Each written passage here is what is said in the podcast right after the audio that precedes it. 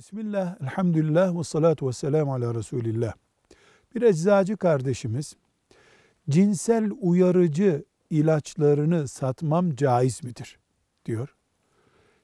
Cevap olarak diyoruz ki, eczanelere ruhsat veren kurumun, devletin, o biriminin izin verdiği ilaçlarsa ve üretimlerinde haram bir nesne yoksa, domuz gibi, alkol gibi, varsa da alternatifi yoksa, doktorların tavsiye ettiği ilaç olarak satışının yapılması caizdir. Ama helal üretimin bulunduğu bir ilacın haram olanını satmamak gerekir.